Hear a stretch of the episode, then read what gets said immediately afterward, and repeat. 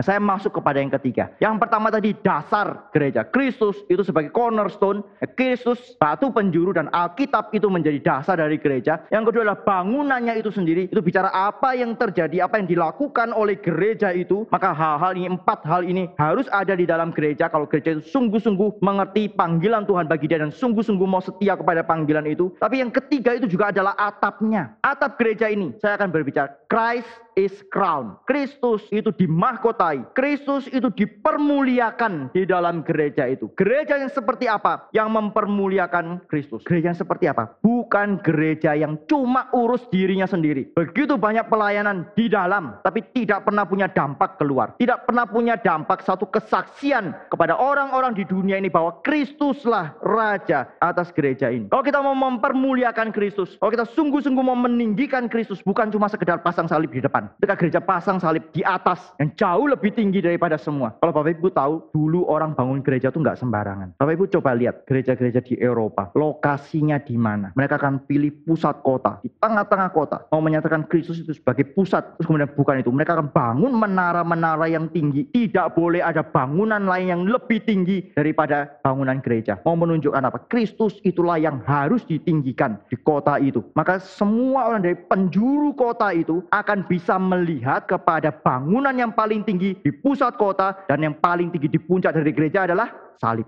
Mereka akan lihat itu. Terus diingatkan bahwa Kristus itu harus ditinggikan. Tapi Bapak Ibu, sekarang saya tanya, hari ini, zaman ini, ketika orang lihat gereja, apa yang muncul di dalam pikiran mereka? Apakah mereka juga masih pikir yang sama? Bahwa Kristus itu harus ditinggikan. Kristus itu harus dimuliakan. Gereja ini sungguh-sungguh mempermuliakan Kristus. Atau ketika mereka melihat gereja, mereka teringat kepada orang-orang Kristen di sekitar mereka yang tidak jujur. Orang-orang Kristen di sekitar mereka yang ternyata hidup tidak beres, melayani tapi hidup tidak beres. Ada satu jemaat di tempat ini biasa datang kebaktian pagi. Tadi pagi datang, pernah bicara kepada saya, kenapa saya akhirnya pergi ke gereja. Dia tadinya tidak mau ke gereja. Dia merasa dia terlalu berdosa. Dia merasa dirinya itu tidak layak masuk ke gereja. Terlalu berdosa. Terlalu banyak dosa, nggak layak masuk gereja. Tapi kemudian dia melihat acara Reform 21. Bapak Ibu tahu ya, Reform 21 itu rekaman khotbah Pak Tom yang lama. Pada waktu itu khotbah di kampus emas. Tayangan itu. Kemudian dia lihat satu orang yang dia kenal pakai jas. Bapak Ibu siapa di gereja pusat yang pakai jas selain hamba Tuhan. Majelis bukan. Dan kemudian dia kenal orang itu dan dia tahu orang ini lebih tidak jujur dari dia. Terus dia katakan kepada gara-gara saya lihat orang itu saya sekarang ke gereja. Masa dia yang dosa lebih besar dari saya ke gereja saya enggak. Saya ketawa, saya sama kayak Bapak Ibu ketawa. Cara pikirnya aneh sekali ya. Tapi itu membuat dia merasa, loh kalau Tuhan mau terima dia di gereja, masa Tuhan nggak mau terima saya? Kalau orang yang seperti itu berani pergi ke gereja, masa saya nggak berani pergi ke gereja? Tapi Bapak Ibu saya mau tanya berapa banyak orang mikir seperti ini? Bukankah lebih banyak orang yang pikir sebaliknya? Orang seperti itu pergi ke gereja, buat apa saya pergi ke gereja? Betul?